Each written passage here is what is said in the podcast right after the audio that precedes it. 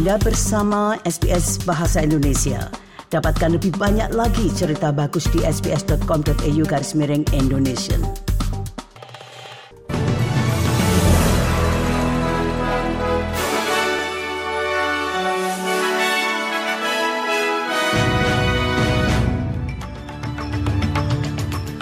Warta berita SBS Audio untuk hari Senin tanggal 29 Januari.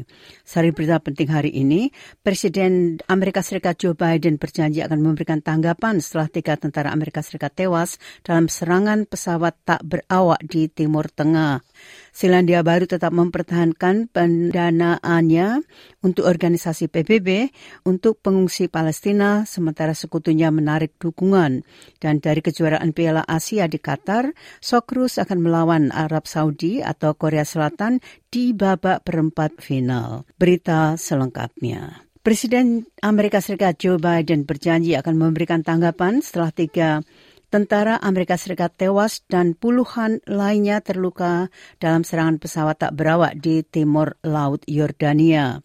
Para pejabat Amerika mengatakan itu adalah serangan udara tanpa awak terhadap salah satu pangkalan mereka di dekat perbatasan Suriah.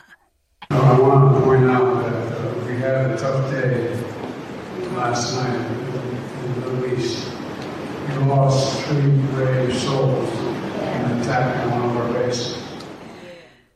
Selandia Baru tidak mengikuti sekutunya dalam menahan dana untuk badan PBB yang dituduh Israel terlibat dalam pembantaian yang dipimpin Hamas pada tanggal 7 Oktober. Badan internasional yang mendukung pengungsi Palestina, UNWRA, telah memecat beberapa karyawannya dari 13.000 tenaga kerjanya di Gaza dan sedang menyelidiki klaim tersebut. Bendahara Federal Jim Chalmers mengatakan tidak ada tempat bagi neo-Nazi di Australia. Hal ini terjadi ketika kelompok supremasi kulit putih melancarkan serangkaian demonstrasi di Sydney selama tiga hari berturut-turut. Bendahara Chalmers mengatakan orang-orang yang melakukan aktivitas seperti itu adalah belatung. We don't want to see hatred or violence or anti-Semitism uh, on our streets or in our country, and certainly not in our agencies. Mantan Menteri Tenaga Kerja Greg Combe telah diumumkan sebagai Ketua Future Fund.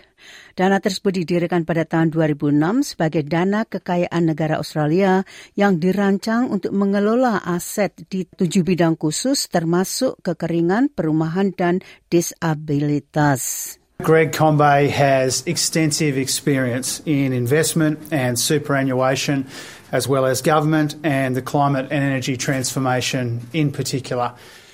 Bendahara Federal Jim Chalmers mengatakan pemerintah tidak mempertimbangkan perubahan apa pun terhadap skema negatif giring yang akan mulai berlaku pada bulan Juli. Hal ini terjadi setelah pemerintah federal pekan lalu mengumumkan akan berupaya mengubah pemotongan pajak tahap 3 untuk memberikan pemotongan pajak yang lebih besar kepada masyarakat berpenghasilan rendah dan menengah. Jim Chalmers mengatakan pemotongan pajak diperlukan. We have made welcome and encouraging progress in the fight against inflation, but it's not mission accomplished because people are still under pressure. Korea Utara telah menguji rudal jelajah yang baru dikembangkan dan diluncurkan dari kapal selam atau SLCM, sehingga mempercepat persenjataan nuklir angkatan lautnya. Pemimpin Kim Jong-un mengawasi uji coba rudal pada hari Minggu yang disebut Pulse Wasel 331. Rudal tersebut identik dengan rudal jelajah strategis yang menurut Korea Utara pada hari Rabu sedang dalam pengembangan.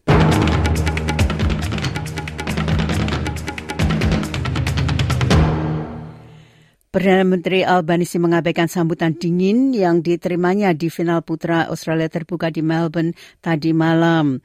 Perdana Menteri dicemooh di pertandingan babak final setelah kehadirannya diumumkan oleh membawa acara.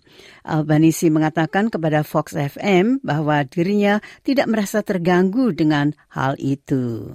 Did you expect that, Elbow? Oh, it's a bit bit of tradition in Australian sport, isn't it? It is. you know.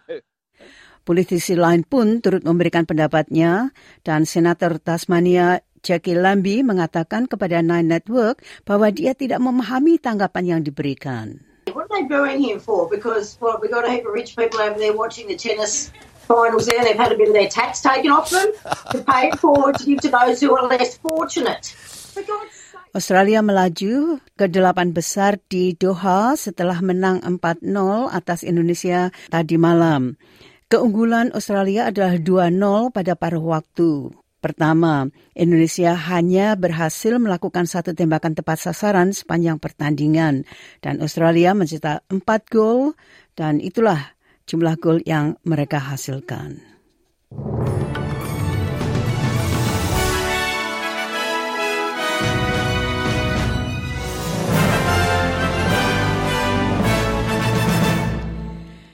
Sekali lagi sari berita penting hari ini, Presiden Joe Biden berjanji akan memberikan tanggapan setelah tiga tentara Amerika tewas dalam serangan pesawat tak berawak di Timur Tengah.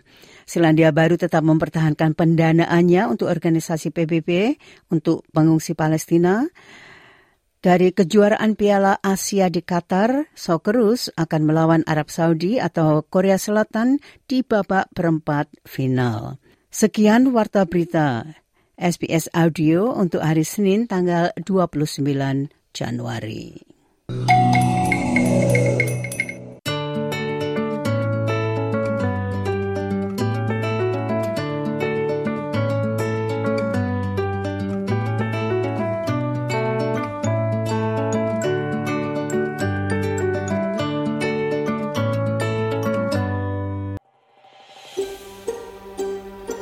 Sukai, berbagi, komentar. Ikuti SBS program Bahasa Indonesia di Facebook.